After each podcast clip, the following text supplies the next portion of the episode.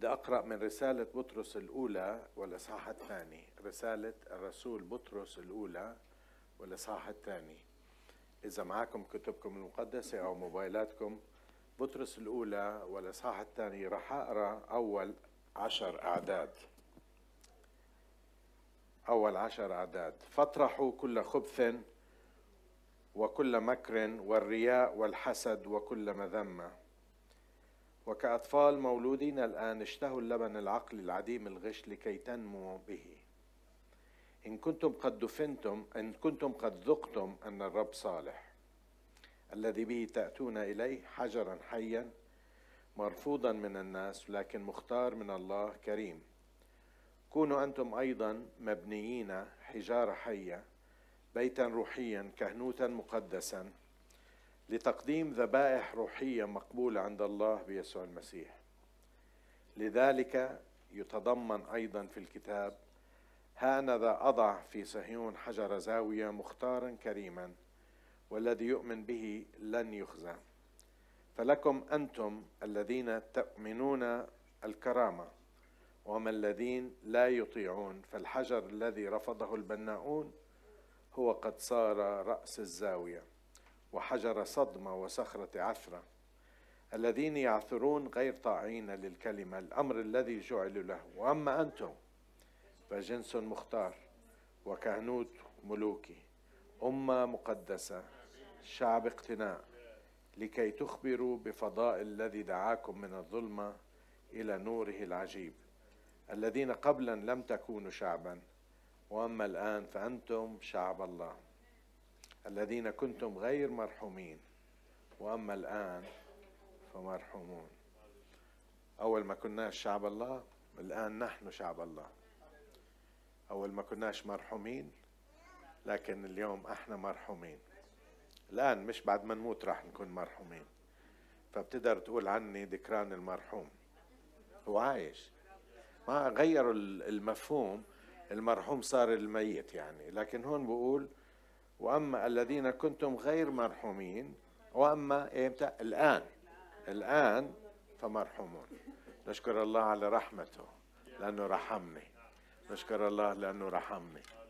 نشكر الله لأنه رحمك. ولأنه إحنا عايشين برحمته. already إحنا مرحومين. مرات كثير بنقول يا رب ارحمنا. هو رحمنا. already رحمنا. طلع اللي جنبك قول له أنت مرحوم.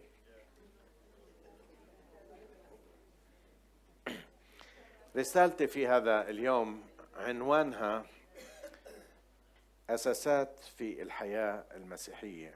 أساسات في الحياة المسيحية. الحقيقة إحنا خصوصا في عمان وفي البلد هون آه، صرنا نفهم مفهوم الأساسات والأعمدة الأساسية خصوصا سكان جبل الويبدة اللي أنا واحد منهم. قبل مدة في واحد قعد يظبط بيته وبعدين حاول يشيل عمود. سمعتوا عن القصة ولا لا؟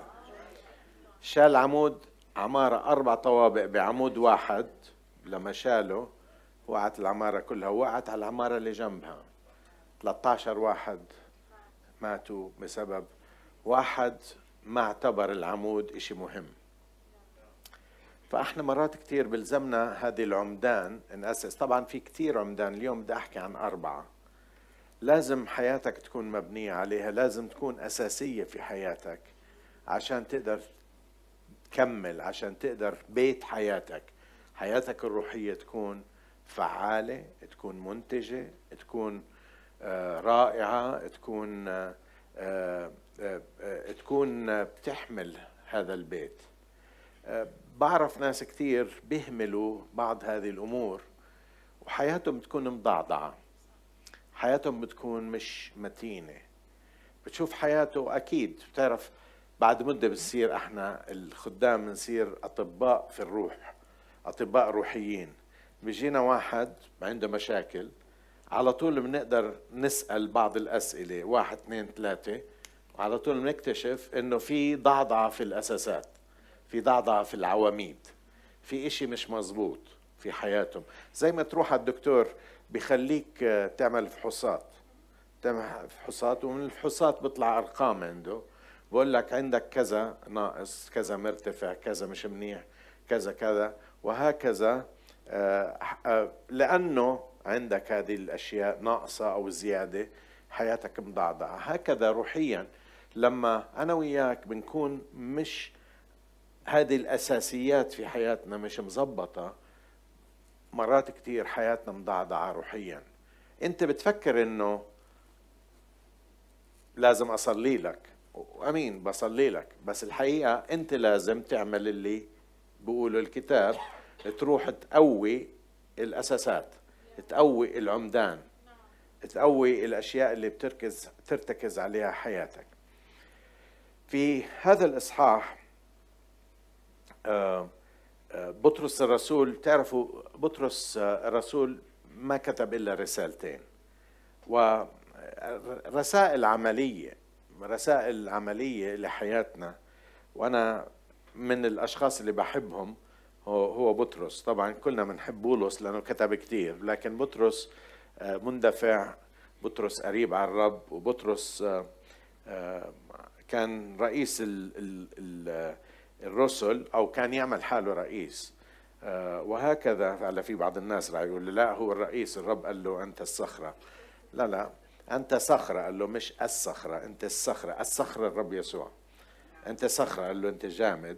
وعلى هذه الصخرة مش عليك على هذه الصخرة إعلان أنت المسيح ابن الله الحي أبني كنيستي. مش عليك أبني كنيستي على الصخرة اللي هي الإعلان أني أنا الرب يسوع المسيح. أساس الإيمان. آه، في هذا الإصحاح وفي هذا الرسالة والإصحاح الثاني في أربع كلمات بحب أحكيها اليوم وإن شاء الله تكون هاي أساسات للأيام الجاي تساعدنا في حياتنا الروحية. أمين. في العدد الثاني بدي أقرأ من العدد الأول. بقول فاطرحوا كل آه، خبث وكل مكر والرياء والحسد وكل مذمة وكأطفال مولودين الآن أو مولودين حديثا اشتهوا اللبن العقلي أو الروحي العديم الغش لكي تنمو به. أول أساس هو اشتهاء اللبن الحليب الروحي لكي ننمو به. الحليب الروحي لكي ننمو به. في بعض الناس منا صاير عندهم مجاعة روحية زي أهل الصومال. تعرف هدول اللي بيكونوا رفاع وبطنهم هيك عندهم مال نوتريشن بسموه أو تضخم بسوء سوء تغذية. شكرا. سوء تغذية بسبب إنه ما في أكل. أنا ستي آه، طلعت من المذبحة الأرمنية مذابح الأتراك للأرمن. وكانت قلنا إنه ما كان في أكل. كنا ناكل الموجود العشب اللي في الطريق كنا ناكل الأشياء الميتة كنا ناكل لأنه بدهم يعيشوا. ما في أكل. والغريب إنه إحنا عندنا مجاعة وأكل كثير روحي. في هذه الأيام ما في أكثر من الأكل الروحي. ومع هذا أنا بلاقي كثير من المسيحيين لكنهم ضعاف روحيا. لكنهم عم بحاول ألاقي الكلمة هزيلين روحيا.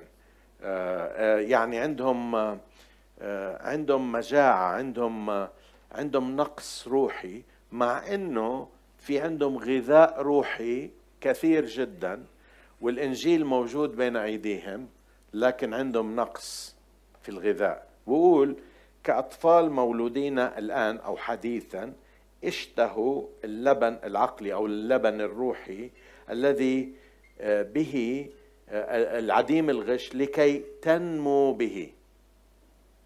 نمونا بوقف لما ما بناكل الأكل الروحي الغذاء الروحي. فاللي بصير إنه تيجي بتقول يا أسي صلي لي يا أخ فلان صلي لي. هلأ إحنا المفروض نصلي من أجل بعضنا البعض. بس إذا بنسأل وأكثر من مرة صارت معي مع أني معاكم أكيد. بسأل السؤال إمتى آخر مرة امسك كتابك المقدس وقريت فيه؟ أوه الكتاب المقدس. صار لي أشهر. مش. هلأ أنا ما بقرأ بالكتاب المقدس مع إنه اسيس نبيل بحب إنه تقرأ بكتابك. أنا الإشي اللي حررني هو إنه الكتاب المقدس معي وين ما كان. بقدرش أحمل هذا وين ما كان لكن الموبايل معي وين ما كان بفتحه وبقرا فيه وين ما كان. ف الكلمة موجودة بس مين اللي عم بقراها؟ بقول لك أنا ما قريتها. طبعا أنا الأسبوع الماضي أكلت ملوخية وبقول لمرتي أعمل لي ملوخية كمان مرة. الأسبوع الماضي أكلت الأكلة الفلانية. الأسبوع هذا باكلها كمان مرة. أنا ما بكلت أكلة قبل 30 سنة ووقفت. أنا كل يوم باكل. هلا إذا بركز على الأكل اللي ما بفيد أو الأكل اللي فيه في بعض الناس بيحبوا ياكلوا حلويات. في حدا زيي بيحب ياكل حلويات. أوه. بس تقدرش تعيش على حلويات. تقدرش تعيش على كلمة الله المشجع. في الأخ عماد الله يسهل عليه بكنيستنا بي طالع بإشي جديد. تاكل الأكل وبعدين بجيبوا الكنافة. ففي مرة آه، كاين بجمعة آه، وحطوا له كنافة. فقال أنا ما باكل حلو. عمل رجيم ما عم باكل حلو. فالمعذب صاحب البيت قال له هذا مش حلو. هاي مكملات غذائية. فطلع لها باسم جديد مكملات غذائية. بتقدرش تعيش على هاي الأشياء بتقدرش تعيش على الخبز بتقدرش تعيش على الرز بتقدرش تعيش على الحلو. بلزمك تاكل لحمة بلزمك تاكل بروتين بلزمك تاكل إشي تقيل. هلأ في بروتين كفاية للصغار في اللبن في الحليب.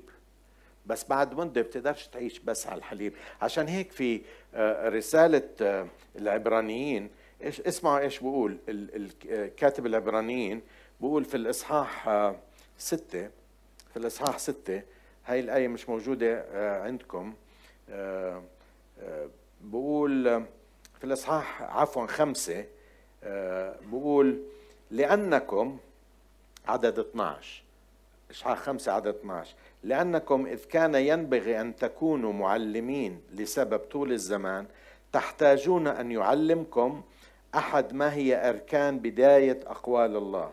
وصرتم محتاجين إلى اللبن اللي هو الحليب لا إلى طعام قوي لأن كل من يتناول اللبن هو عديم الخبرة في كلام البر لأنه طفل. هلا بطرس هون بقول اشتهوا اللبن. وضروري اللبن. هلا أنا بحب الحليب حدا زيي بحب الحليب؟ أنا بحب اللبن. أنا أبوي كان يحب اللبن كثير وهلا بلاحظ حالي أنا مش كل إخواني ومش كل العيلة. أنا واحد منهم بحب اللبن كثير وبلاحظ من ناحية أبوي كان يحبه. لقيت واحد آه، قريب إلنا بجوز في الفخذ الخامس والسادس قال لي إحنا توعن لبن. قلت له إيه؟ هذا مبين كل العيلة هاي بتحبوا اللبن. اللبن لبن لبن رايب. أنا بحب اللبن بحب الحليب بس بقدرش أعيش عليه بقى. آه بالبداية جود بس بلزمني أعيش. هذيك اليوم شفت أخت إلنا صاير معاها مش قادرة تمشي على رجليها. ولما سألت عامل الرجيم بس على الأعشاب وعلى الفواكه وعلى الخضروات ومش ماكلة بروتين ما في قوة في عضلاتها. فقدت قوة العضلات بسبب إنه ما أكلت مزبوط. وكثير من المؤمنين حياتهم مضعضعة مش قادرين يمشوا. لأنه عضلاتهم مش قوية لأنه مش عم بيشتهوا اللبن مش عم بياكلوا الغذاء الروحي. سؤالي لك إمتى آخر مرة مسكت الكتاب المقدس وقريته؟ مش تاخذ آية من هون آية من هناك تشجيع من هون. بعض الناس الكتاب المقدس الوحيد اللي يقريوه هو اللي بيسمعوه هون بالكنيسة. أو واحد ببعث لك آية بشجعك فيها من الآيات المشجعة. طبعا ما ببعثوا الآيات شوية ثقيلة آه، ما ما ما آه، ما ببعثوا يا أولاد الأفاعي مثلا هاي من الآيات الموجودة بالكتاب. ها ما عمره واحد بعت لي إلا إذا كان بده يأذيني يقول لي يا أولاد الافاعي بس بلزمنا في الأيام نقرأ كل الكتاب المقدس لأنه الكتاب بتعرفوا في واحد مش من خلفيتنا قبل الرب قبل كم من سنة. وبعد مدة شفته كل مرة بقعد معاه بحكي لي أشياء من الكتاب المقدس من العهد القديم بالعهد الجديد الأشياء اللي إحنا ما بنقراهاش كثير بطلعها منه. خلال سنة كان قاري الكتاب المقدس كله. وقال له في مؤمنين صار لهم 20 سنة بالكتاب 20 سنة بالكنيسة ولسه ما بيعرفوا متى من متي. لأنه ما عم بيقروا الكتاب المقدس ما عم بيتغذوا. ولما ما بتتغذى شوف شو بصير. بصير في عندك ضعف روحي. معي انت؟ بصير في عندك ضعف في عضلاتك. بصير ما بتقدرش تقاوم. بصير ما بتقدرش آه، آه، انه آه، توقف ضد ألاعيب إبليس ومهاجمات إبليس. أنا ما بحكي على إنه عبي معلومات هون. معلومات منيحة. بس انت بلزمك تعرف الكتاب المقدس. لما بتقرأ الكتاب المقدس لو بتقول لي بقرأه مرات كثير بقرأه بس ما بستفيد منه. خليني أحكي لك بتعرفوا إنه مرات كثير في أكلات بناكلها وبقولوا لنا زي مثلا السبانخ. أنا كنت كان عندي مشكلة مع حماي. كل ما نحط أكل لما يجي عندنا كل ما نحط بتحبوا أنتوا القصص؟ لا لا. كل ما يجي دائما كان يحكي لما بياكل إشي دائما كان يزيد عليها إنه هذا منيح مثلا آه، للكذا. هذا منيح إحنا بناكله لأنه منيح لك. قال له يا أخي أنا باكلوش مشان منيح لكذا ولا كذا باكله لأنه بحبه. يقول لي لا هذا منيح مثلا لل آه، آه، لليوريك أسيد هذا منيح للمش عارف إيش هذا بنزل الكوليسترول هذا بيرفع المش عارف إيه. أنا باكله مشان إنه طيب. هلا بس حتى إذا ما كان طيب كثير أنا مضطر وإحنا صغار أمي كانت تعمينا سبانخ. كنا نكره السبانخ. في حد زيي؟ كانت تعمينا آه كانت تعمينا بامية. آه، أنا بحب البامية كثير حدا زيي كمان. بس أنا إحنا صغار ما كنا نحبه. بس كبرنا صرنا عقلنا انفتح وصرنا نحبه. بس هاي كلها مغذيات.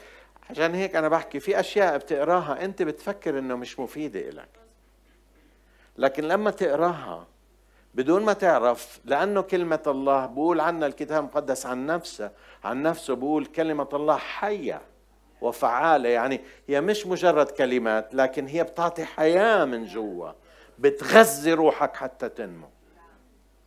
اليوم كنيسة الرب أولاد الرب بيحتاجوا إنه يتغذوا على كلمة الله. بيحتاجوا إنه يعرفوا كلمة الله.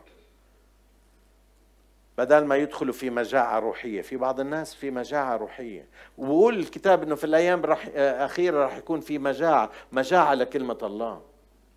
تعرفوا إنه في العصور الوسطى كان ممنوع الناس اللي مثلي ومثلك يمسكوا كتاب مقدس كان ممنوع علينا. في بعض الناس ما كانوش يعرفوا يقروا. لهلا في ناس أميين بيعرفوش يقروا. أنا ستي أم أبوي كانت أمية. زي كثير من آه، الجدات القدام بعمري جداتنا. هلأ تقريبا فيش أميين. بس بتذكر إنه كل يوم كل يوم قبل ما أبوي يطلع على الشغل كانت تجيب له الكتاب المقدس كبير هيك كان. وتفتحه وتقول له اقرأ لي. وتقعد وتقرأ. تعرف تصلي لوحدها بس كانت تعرف تقرأ تسمع كلمة الله. لو اليوم كان بنفتح لها ال application ونقول لها اسمعي تيتا. بنحطه وبتسمع ال application بتسمع كلمة الله. على فكرة إذا مش قادر أنت حط كلمة الله واسمعها. اسمعها بالسيارة اسمعها بالبيت. حطها على التلفزيون حطها على الموبايل. كلمة الله في المقروءة. هي بتعطيك قوة. هذا أول مرتكز في حياة الإيمان. لا تجوع حالك. لا تجوعي حالك من كلمة الله. ارجع خذ كلمة الله وتمسك فيها. وكلمة الله كلها وتغذى فيها. في العهد القديم في آية بتقول وجدت كلامك فأكلته. وجدت كلامك فأكلته.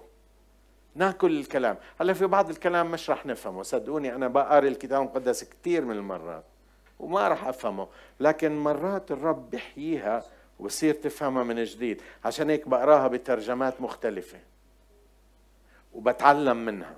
اذا أول أساس لازمني ولازمك هو إنه يكون عندنا شغف. بقول اشتهوا اللبن أو الحليب الروحي العديم الغش لكي تنمو به. لكي تنمو به. إحنا بنحتاج إلى نمو مستمر. آمين يا شعب الرب. النقطة الثانية اللي بحب أحكي عنها بقول في الأعداد بقول معلش أراه نظارات.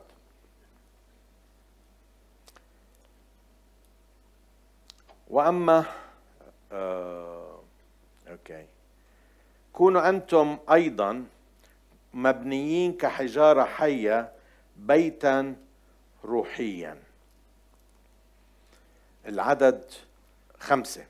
كون أنتم أيضا كمان مرة عدد أربعة الذي إذا إذ تأتون إليه حجرا حيا إليه الرب يسوع. حجرا حيا مرفوضا من الناس لكن مختار من الله كريم. كونوا أنتم أيضا مبنيين كحجارة حية بيتا روحيا كهنوتا مقدسا. بيتا روحيا. تعرفوا من أهم الحقائق بالحياة المسيحية أنه أنا وياك حجار. أنا وياك أحجار لكن أحجار حية. زمانات كان في أخ أسيس من أمريكا كل سنة يجيب مجموعة من السواح يجيبوا مرات للأردن وبعدين يوديهم للأراضي المقدسة الناحية الأخرى من النهر. مرة أنا قالت له أخ جورج بدي أقول لك إشي. قال لها إحكيها أني. قالت له ليش بتجيب الناس بتفرجيهم على الأحجار الميتة وما بتجيبهمش للحجارة الحية؟ طلع فيها. قالت له إحنا الحجارة الحية ليش ما بتجومش نشوفهم ويشوفونا؟ إحنا مع بعض حجارة. هيك بقول الكتاب. كنا أنتم أيضا مبنيين كحجارة حية بيتا روحيا. أنا وياك حجار لكن حجر حي. مش بس حجر حي لكن بقول إنه حجر حي مبني. يعني أنا حجر بس مش لحالي. أنا حجر في حوالي حجار تانية في تحتي حجر فوقي حجر جنبي حجر جنب الثاني حجر. أنا جزء من بناية. الكتاب المقدس بيحكي عنا أنه الكنيسة هي بيته لكن مش البناية هي بيته. أنا وياك بنعرف أنه الكنيسة مش البناية. هي بناية بتجتمع فيها الكنيسة ولكن الكنيسة هي أنت وأنا كحجارة لكن حجارة حية. وعم بقول بطرس بقول كونوا حجارة حية لكن مبنيين مع بعض. منيجي كل واحد لوحده في علاقة مباشرة مع الله لكن لا نبقى في علاقة مباشرة ومتوحدة مع الله. عشان هيك بنجتمع مع بعض. سؤالي لك عم تجتمع مع أخوتك؟ هل أنت جزء من بناء؟ هل مرتبط أنت مع حجارة أخرى؟ جنبك حجر فوقك حجر تحتك حجر بيحملوك حجر. هل انت في علاقة مع إخوتك مع الحجار اللي انت جزء منها؟ جزء. إحنا إحنا جزء من كنيسة الله الواسعة في كل أنحاء العالم. إحنا جزء. بس إحنا حجار مع بعض. بطرس بيقول كونوا أنتم أيضا مبنيين كحجارة حية. كونوا مبنيين. خلينا ننبني مع بعض. تعرفوا واحدة من الأشياء اللي بنصير لما بنيجي مع بعض؟ بنبني بعض ننبني مع بعض. نتعلم نكون مع بعض. نتعلم ندعم بعض. نتعلم نسأل عن بعض. نتعلم نحمل أحمال بعض. نتعلم نصلي مع بعض. إحنا عم ننبنى مع بعض. وكل مجموعة أينما كانوا عم بنبنوا مع بعض. عم تسند حجر تاني؟ ولا أنت لوحدك؟ بدك مين يسندك؟ سؤالي. في سند إلك؟ وإذا في سند أنت عم تسند الآخرين تقول لي شو بدي أعمل؟ خليني أقول لك شو تعمل صلي مشانهم هي واحدة أول إشي. أقول لكم معظمنا شو بنعمل؟ بنصلي مشاننا. صلي لي. باركني واعطيني بارك أولادي بارك مرتي وجوزي بارك باركنا إحنا وافتح علينا وساعدنا وإحنا وإحنا. شو رأيك تدعم ناس تانيين وتبدأ تصلي مشانهم؟ تعرفوا بالزمانات كانت كان أمي وأبوي كانوا في مجموعة مجموعة مؤمنين بالكنيسة الأرثوذكسية لكن كانوا مؤمنين يجتمعوا كل يوم أحد بعد الظهر ويصلوا مع بعض ويقروا الكتاب ويصلوا من أجل بعض. كانوا يدعموا بعض دعم. هالأيام أنا مش شايفه كثير بس خليني أحكي لكم عن ست هلا انتقلت للأمجاد. أنا بجوز 20 25 سنة ما شفتها. مرة قابلتها قالت لي قلت لها عرفتيني؟ قالت آه عرفتك طبعا أنت مش ابن فلان. قلت لها نعم.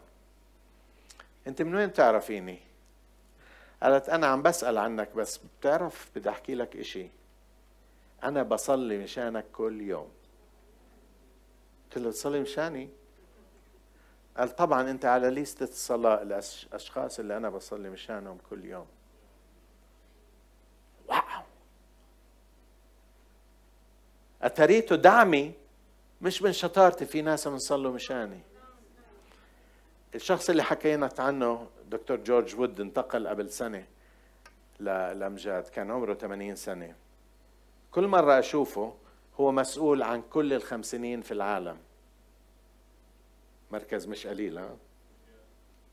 كل مرة بشوفه يقول لي دكران أنا بصلي لك كل يوم أنت وزوجتك. قلت له أنت بتصلي لي؟ قال لي كل يوم بصلي لك.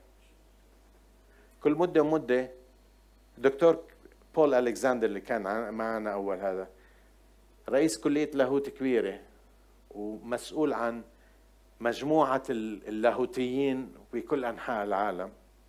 ببعث لي من مدة ومدة كيفك؟ بقول له منيح صلي لنا. قال كل يوم أنا وزوجتي حاطينك عم نصلي لك. هذا هو الدعم الروحي اللي أنا بحتاجه. نصلي مشان بعضنا البعض. وأعرف إنه في ناس منكم بيصلوا لنا. وإحنا بنصلي مشان الثانيين أنا مرات كثير بتبدأ صلاتي مشانكم اول ما بفيق. قلت لكم أنا مرة أول ما افيق ببدأ أشكر الرب ها؟ بس عم بتعود أول ما افيق أبدأ أصلي مشان الناس. أول ما بيجي بيخطر على بالي ناس أبدأ أصلي لهم. تعرف قديش بعطيك قوة هذا؟ قديش بتكون أنت بتدعم الآخرين لما تصلي مشانهم؟ بقول كونوا كحجارة حية مبنيين مع بعض. إحنا الكنيسة بتجتمع في مبنى لكن الكنيسة لما بتجتمع بتآزر. عشان هيك بقول غير تاركين اجتماعكم كما لقوم عادة. بل واعظين بعضكم بعض. نوعظ بعضنا البعض. شو الوعظ نوعظ عليكم؟ لا الوعظ إنه نشجع بعضنا البعض. نسأل عن بعضنا البعض. نرفع تليفون نسأل. بتعرفوا النوادي بيسألوا عن بعض أكثر مما إحنا بنسأل عن بعض.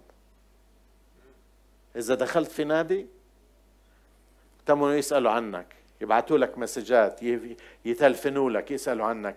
إحنا عنا أمر من الرب. إنه نكون حجارة مبنية مع بعض نسند بعضنا البعض. نسأل عن بعضنا البعض. الله عم ببني كنيسته في كل أنحاء العالم. عارف وين مكانك بهالكنيسة؟ أنت حجر وين مكانك بهالكنيسة؟ شو عم تعمل؟ مين اللي بتسنده؟ مين اللي بيسندك؟ أساس لازم نعرفه. في حدا بقول نعم ساعدني يا رب أكون؟ الشيء الثالث من هذا المقطع اللي قرأناه. أنا فيش عندي شيء طويل أحكيه بس بقدر أحكي للصبح بس. ما عنديش ما عندكمش وقت للصبح. بقول كونوا أنتم العدد الخمسة كونوا أنتم أيضا مبنيين كحجارة حية بيتا روحيا. بعدين بقول كهنوتا مقدسا. كونوا كهنوتا مقدسا. أو جماعة كهنة مقدسة. لتقديم ذبائح روحية مقبولة عند الله بيسوع المسيح.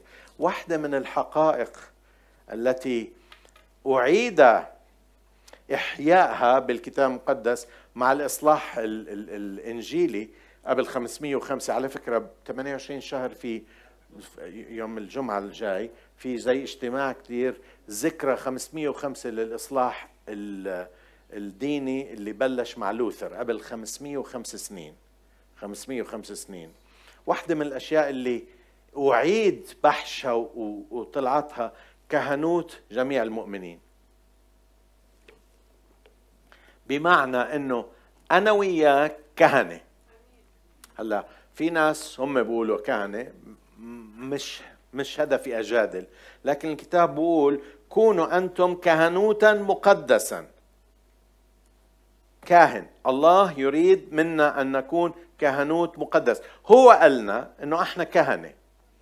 في في في رؤيا والإصحاح الأول والعدد السادس بيقول جعلنا ملوكا وكهنه لله أبيه له المجد والسلطان. جعلنا ملوكا وكهنة. يسوع جعلني ملك وجعلني كاهن. هلا في العهد القديم كان في جماعة معينة من الكهنة كان لازم يكونوا أولا من سبط لاوي ثانيا أبناء هارون. سبط لاوي إذا مش من أبناء هارون بيكونوا مساعدين للكهنة لاويين بسموهم. لكن أبناء هارون هم الكهنة. لكن اليوم كل من يدعو باسم الرب هو كاهن. هلا لا يعني فيش قاضي في الكنيسة فيه في الشيوخ في الكنيسة. الكتاب بسميهم شيوخ أو قسوس كلمة قس معناها شيخ على فكرة في الكنيسة. في خدام مكرسين في قادة روحيين. لكن هدول القادة مش وسطاء بيننا وبين الله. فيش وسيط بيننا وبين الله. يعني كل واحد له السلطان أن يأتي إلى حضرة الله لوحده بدون وسطاء. نعم في رعاة في في قادة في معلمين في في في مسؤولين لكن جميعنا كهنة الكتاب المقدس والكاهن بيقدم ذبائح. لكن في العهد الجديد فيش ذبائح. دموية. ما بنقدم ذبائح بس في ذبائح من نوع آخر بنقدمها هلا رح أحكي عنها. لما بنجتمع مع بعض المطلوب منا ككهنة وأيضا بدون ما نجتمع مع بعض ككهنة في عنا شغل. الكاهن شو كان شغله؟ كاهن شغله كان إنه يقدم ذبيحة ويكون وسيط بين الناس وبين الله ويسمع من الله للناس. كذلك أنا وياك كهنة بأنه نقدم الناس لله ونقدم أنفسنا لله ونسمع من الله ونخدم الآخرين. كل واحد منا. كل واحد منا أنت وأنا وانت كل واحد منا مفروض يعمل شغل الكاهن والكاهن بيقدم ذبائح واحدة من الذبائح المذكورة وأنا حكيت عنها مش ضروري اليوم نحكي عنها بالتفاصيل. واحدة من الذبائح الكاهن بيقدمها ذبيحة التسبيح في العهد الجديد. في ذبيحة. اليوم ما بنذبح ذبائح لأنه ذبيحتنا اندبح مرة واحدة يسوع المسيح على الصليب. الآن في ذبائح غير دموية بيقدمها واحدة منها ذبيحة التسميح. ثمرة شفاه معترفة باسمه. في واحدة من الذبائح اللي بنقدمها ذبيحة العطاء. مكتوبة بالكتاب المقدس. في أيضا ذبيحة الروح المنكسر. الكتاب بيحكي عنها. وبقول قدموا أجسادكم ذبيحة حية مقدسة مرضية عند الله. فلازم أعرف أولا أني أنا حجر حجر حي. لكن أنا مش بس حجر أنا كاهن والكاهن عليه شغل. إذا ما بتعرف أنه عليك شغل بتمك قاعد مبسوط ما أحلاك. هلا مش الكل عنده نفس الشغل بس الكل عليه شغل ككاهن. زي ما قلت لكم أنا بصلي مشان الآخرين. بصلي أنا بعرف مثلا أخوي عامر عنده عنده عنده ظرف معين أنا برفعه قدام الرب بصلي يا رب تدخل يا رب بموضوع أخي تدخل بموضوع أختي. أنا برفعها قدام الرب وبقدم الشكر من أجل الآخرين. سمعت عن خادم سمع عن خادم آخر إنه أذى بعض الناس. لما قعد معاه قالوا له فلان فلان أذانا. وذاك الشخص الثاني اللي أذى مش موجود. قعد قال لهم اعتبريني أنا وأنا بدي أعتذر لك عنهم. وصار يبكي هو ويعتذر عن اللي عمله الآخرين. هذا شغل الكاهن. أنت كاهن أنت كاهن. لا تنتظر واحد من القادة أو الأسوس يصلي مشانك. أنت صلي. ما بنسى أبدا. طيبة الذكر أختنا آه، جانيت. حدا منكم بتذكر جانيت الأسمر أم أستا مرة كنا بالكنيسة جايبت لي أظني واحدة من بناتها كانوا صغار. هذا الحكي زمان زمان. بتقول لي قسيس صلي مشان بنتي أو البنت اللي كانت. طلعت فيها قلت لها بديش أصلي. هي ليش؟ قلت لها انت جايبة تصلي لما انت تصلي. قالت ما أنت القسيس. قلت لها ما أنت اللي بتصلي أكثر مني بتزور البيوت بتصلي مشان الناس. هلا بدك أنا أصلي لك. تقدر تقول يصلي معاي أنا وياك. بس عشاني أنا الأسيس بصيرش أس أنا أصلي. هلأ عندي مواهب أنت مش موجودة عندك. في عندي مواهب أنت مش موجود. في بعض الناس فينا الله معطيهم مواهب حتى مش لكل أنواع الشفاءات في بعض أنواع الشفاءات. أنا بعرف واحد من أصحابنا اجى بالزمانات صلى هون بصلي مشان معجزات. بقوم مكرسح بروح على أفريقيا بقوم مكرسح بقول المشلوق بقوم بيعمل. بس أكثر شيء بتعرفوا إيش بشفى عنده موهبة الطرش يفتح دينيهم بكل اجتماع اللي هذا بيفتح دينين الطرش بصيروا يحكوا. موهبه معينة. بس هذا لا يعني إنه بس هو يصلي أنا كمان بصلي. لا يعني إنه أنا لأني عندي مركز بالكنيسة إنه بس أنا. لأنك أنت كاهن وأنا كاهن بنقدم ذبائح وصلوات من أجل بعضنا البعض. ولما ما بنعرف هذه الحقيقة بنضيع بصير بدنا خادم بصير بدنا وسيط بصير بدنا لسيس يجي يزورك زي زي الحياة القديمة اللي كانوا. هو اللي بجوز بجنز بعمد بدفن. هاي شغلته. وبيجي بزور بالأعياد بيجوا بزور أبوك المعمول بحطهم بجيبته لا هي مش شغلتنا. شغلتك وشغلتي دائما إنه نصلي من أجل بعضنا البعض. نرفع بعضنا البعض لأنه إحنا جسد واحد وعندنا شغل. شغلتي وشغلتك إنه نسبح. الكاهن بيقدم ذبيحة تسبيح. هلأ أقول لكم في بعض الأصوات مش كثير حلوة. ما نطلعهم عشان يرنموا هون. مزبوط؟ مش كل أصوات حلوة. في بعض الأصوات مش حلوة. بس عندهم أصوات خليهم يسبحوا لحالهم في البيت في السيارة فيش حدا سامعك. سبح. بينك وبين الرب صوتك ب... الرب بتلذذ على صوتك. بجوز أنا ما اتلذذ بس أبوك السماوي بتلذذ زي ما زي ما آه، الأب والأم قديش بيفرحوا على على ابن إنه بيعمل بكيفوا عليه. إحنا بننزعج. بس صاحب البيبي مبسوط أو صاحب الولد مبسوط. بتذكر في يوم من الأيام كان كنا عاملين أخ نبيل بجوز تتذكر كنا عاملين حفلة رأس سنه كنا ماخذين قاعه وهذا في واحد من الإخوة كان عنده ولد عمره أربع سنين.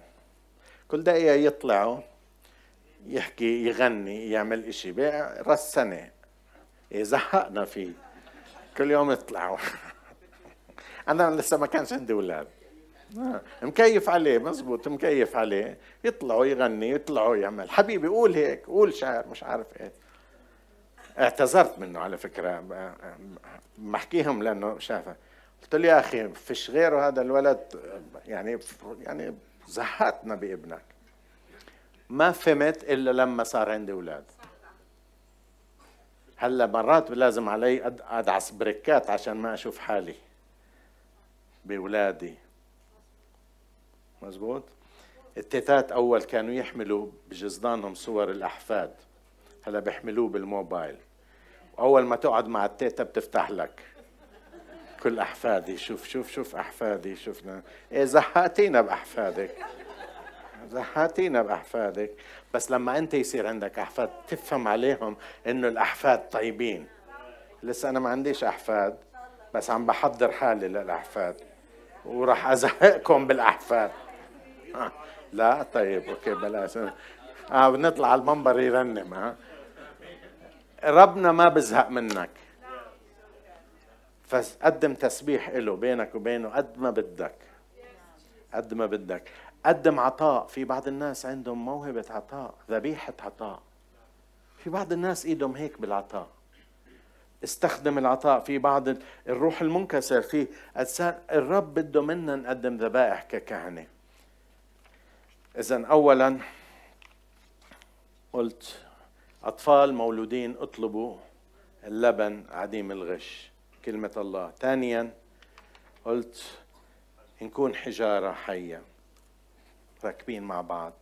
ثالثا الكتاب بيقول ككهنة لازم نقدم ذبائح كهنوتا مقدسا لتقديم ذبائح.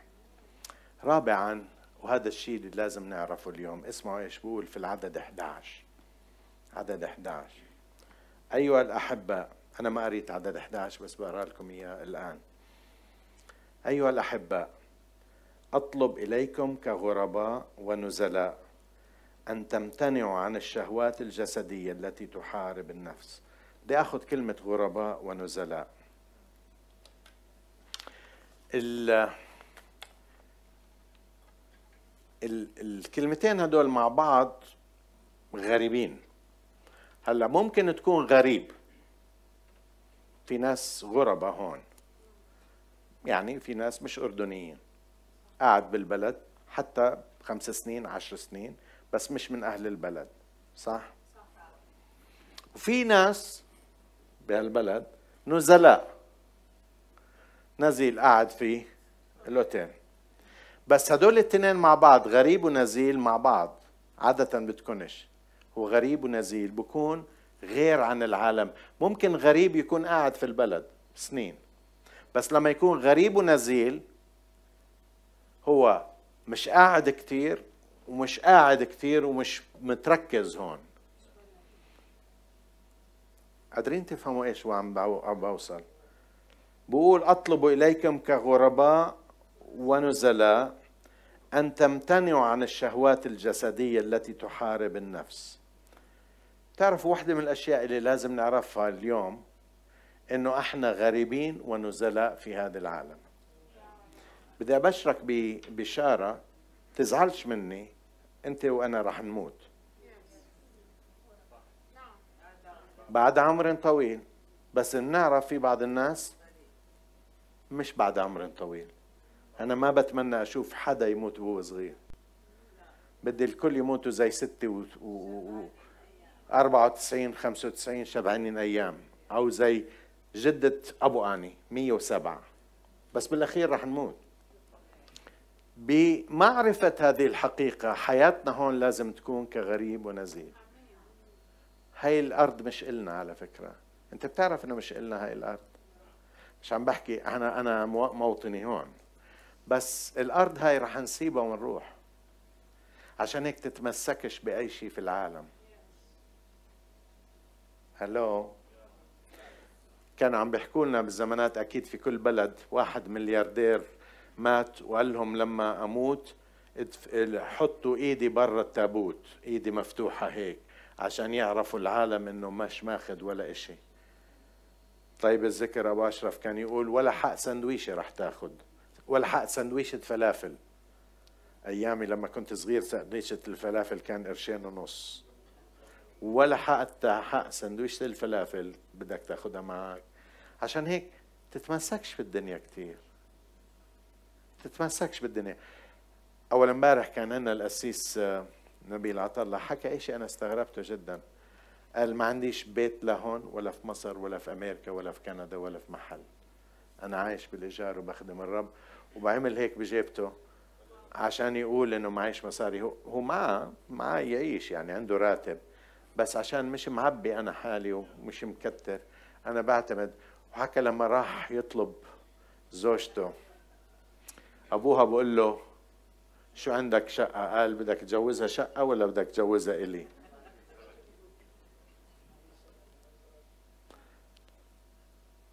هلا اللي عم بحكيه مرات كثير في بعض الناس معهمش مصاري لكن متمسكين بالمصاري لدرجة إنه المصاري عبادة بيعبدوها. في ناس عندهم كل المصاري بس مش مستفيدين فيها. بعرف نوعين. أنا بدي أكون بالنوع الثاني. حتى لو عندي المصاري مش مهمة. الحياة هاي مش مهمة. الدنيا هاي مش مهمة لأنه موطننا مش هون. بالأخير رح نروح وأنا بتمنى الكل يعيش حياة مطمئنة هادئة طويلة لكن رح نروح. مشكلتنا أنا وياك إنه نسينا كلام الكتاب المقدس إنه في شيء اسمه أبدية. في شيء اسمه أبدية. عم نعيش هون؟ لكن إحنا بنعيش للأبدية. هلأ في بعض الناس بيقولوا الأبدية؟ قديش يعني ألف سنة فيش وقت هناك. خارج الوقت. هلأ أنا وياك لسه مش فاهمين شو يعني خارج الوقت. بس رح ننتقل للأبدية رح نكون مع المسيح إلى أبد الأبدين. عشان هيك بقول الكتاب غرباء ونزلاء. لأننا غرباء ونزلاء أنا وياك بنستمد قيمتنا مش اللي باللي عنا هون. سمعته من الأسيس قبل يومين العالم بقول لك معك قرش بتسوى قرش. الكتاب بقول انت بتسوى كل شيء لأنك ابني ولأنك بنتي.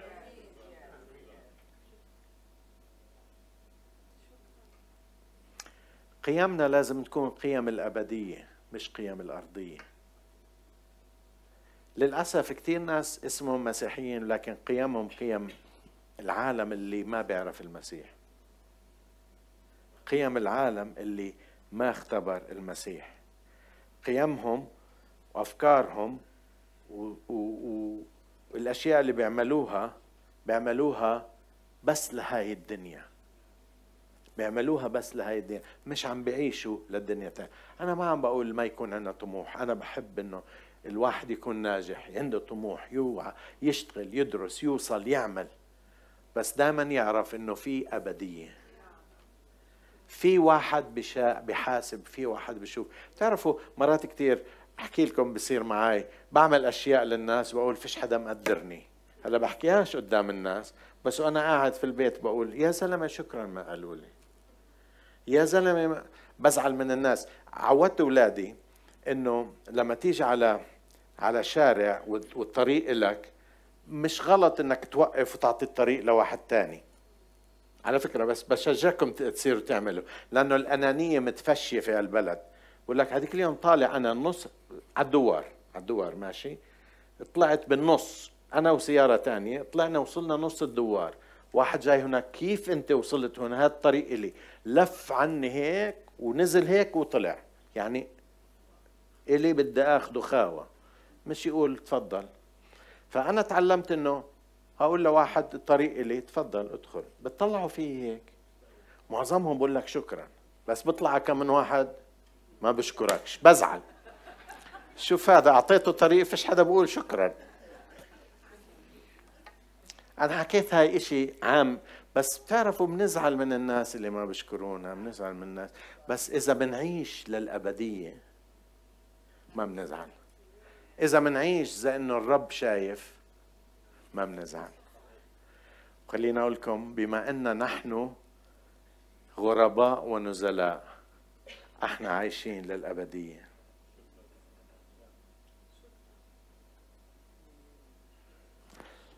قريت قصة عن ولد كان يلعب فريق بالدرجة الثانية. لكن بعد ما مات أبوه طلب أنه دخلوني في فريق الدرجة الأولى. هو لعيب الفريق الدرجة الثانية. يعني مش من مستوى الدرجة الأولى. بقدرة قادر المسؤول الكوتش قال يلا دخلوا خلينا نشوف. دخل بالفريق الأول ولعب أحلى من أي واحد. إشي مش معقول. استغربوا أنه هذا مستوى الدرجة الثانية. كيف دخل على الدرجة الأولى؟ لعب أحسن منهم كلهم. فنادوه قالوا له شو قصتك يا زلمة أنت؟ ليش إحنا بنعرفك بتلعب بالدرجة الثانية؟ هلا صرت بالدرجة الأولى. أبدعت. شو اللي عملته؟ قال لهم بتعرفوا أبوي مات. قالوا لا بنعرف إنه أبوك مات. قال بتعرفوا إنه أبوي مات وأبوي كان هو عايش هون كان أعمى? قالوا لا بنعرف. قال ما عمره شافني وأنا ألعب. هلا أبوي عم بشوفني وأنا ألعب. فأنا بلعب له لأنه هلا شايفني. أول ما كان يقدر يشوفني. تقول لك شيء إحنا بنلعب لأبونا السماوي مش للناس. بقدرونا ما بقدرونا بعطونا ما بعطونا بدخلونا ما بدخلونا. إحنا عم نشتغل لأبونا السماوي اشتغل لأبوك السماوي. ومكتوب عنه أبوكم الذي يرى في الخفاء يجازيكم علانية. بجوز ما يجازيك اليوم ما يجازيك بكرة. لكن راح يجازيك علنية في السماء كمان. قدام الكل بقول لك نعما أيها العبد الصالح. كنت أمين في القضية قليل أقيمك على الكثير. أحنا بنلعب لمتفرج واحد هو الله. ليش؟ لأننا غرباء ونزلاء في هذه الأرض. أنا ماليش إلي. أنا ماليش أنا أنا ماليش لما بتتمسك بهذه بهذه الأرض بتزعل كتير. أكيد البعض منكم راح لمؤتمرات. بتحبوا تروحوا مؤتمرات؟ برا برا. إذا بصير مؤتمر هيك مؤتمر روحي. كنا بالزمانات نروح على قبرص نعمل مؤتمرات خدام. أبي ما أحلى كانت. الأوتيل ننزل فيه يعج ننزل الصبح كلنا على فطور نكون مئة واحد مثلا. أوتيل يعج شايفين واو واو. هذا من فلسطين هذا من لبنان هذا من سوريا يعني أشياء حلوة. بس تعرفوا أصعب شيء إيش كان؟ دائما إلي. اليوم الأخير اللي يروح الكل فيه أنا أبقى متأخر أنزل. فيش حدا لحالي. أبي قديش ديبريسنج قديش كئيب المنظر إنه فيش حدا. طبعا في ناس بالأوتيل بس مش جماعتك. ودائما بفكر بهاي الآية. إحنا هون نزلاء غرباء تاركين ورايحين. هذا مش بيتنا. مع إنه استفدنا منه وقعدنا وشفنا وأكلنا وهيصنا وكيفنا بس بالأخير راجعين على بيتنا إحنا عايشين هون. ولما ما بنعرف هذه الحقيقة بنزعل كثير من الأشياء اللي بتصير. إخوتي وأخواتي هاي الدنيا مش إلنا. الرب حاططنا للشغل اللي حكيت حجارة حية مبنية نعمل عمله نعمل عمل كهنود بس بالأخير أنا بطلع على الشباب يعني أنا أكبر منكم بكم من سنة وكم من شهر. ما كنا نفكر هيك بس الآن صرت أفكر بعد ما قطعت عمر معين. الحياة مش هاي الحياة مش هاي الحياة. هاي الحياة مش هي. الحياة مع المسيح. أعمل مشيئته هون مشان هو يشوفني ولما أشوفه يقول برافو عليك أما هذيك اليوم عملت إشي أنا مسجل عندي في شيء بروح. ويقول لي نعما أيها العبد الصالح. أربع أساسات نعيش من خلالهم. أعيدهم كمان مرة. أطفال مولودين نطلب الغذاء الروحي اللبن العديم الغش. مهم جدا. نكون كحجارة ككنيسة مبنيين مع بعض كجارة حية نبني مع بعض يا ريت نكون مبنيين مع بعض. نكون كهنوت مقدس نعمل عملنا عمل الكاهن. وأخيرا نعيش كغرباء. كغرباء. ساعدنا حتى ما نتمسك في الأرض. ما نتمسك في شيء حكيت لكم على هاي النقطة هلأ تذكرت. بالزمانات كان في واحد اجى من بريطانيا اجى يزور هلا ب... لو إنه عايش بكون حما ابني الأخ انطوان ديب. واخ انطوان عمل جمعة في البيت وبعدين جابوا هذا الأخ كان من بريطانيا. هذا الحكي بالثمانين كان جايبه ب كان جاي بطيارته الخاصة. مش هلا بالثمانين يعني تصوروا وكان ملتي ملتي ملتي ملتي مليونير. جاي يزور البلد ويشوف واجى عنا على البيت وشرب شاي. ويعني قعدنا وأنا انبهرت فيه شاب صغير إنه أوه بحب يسوع. بعد كذا سنة بسأل أخ أنطوان بقول له دخلك هذا اللي جبته شو صار فيه؟ قال لي أنت ما عرفت شو صار فيه؟ قلت له لا. قال خسر كل أمواله كان حاططها في الأسواق المالية والأسواق انهدمت وراحت كلها. قلت له هو راح وراها مات؟ انجلط؟ قال لي لا. راح يشتغل موظف في إحدى الشركات وقال لي ما بتشوف إلا الابتسامة والفرح في في قلبه. اليوم الواحد إذا أكل عليك ثلاث ليرات ونص بتبكي عليهم للصبح. هذا فقد ملايين. وقتها مش 80 90 مليون. وقتها هلا بسوا لهم 200 300 مليون. قال لي لا لا لا ماشي مع الرب وما أحلى. فقد كل شيء بال stock market راح وخسر كل شيء ولكن بحب يسوع أكثر من قبل قلت wow أنا بحب أكون زيه. مش أتمسك بهالدنيا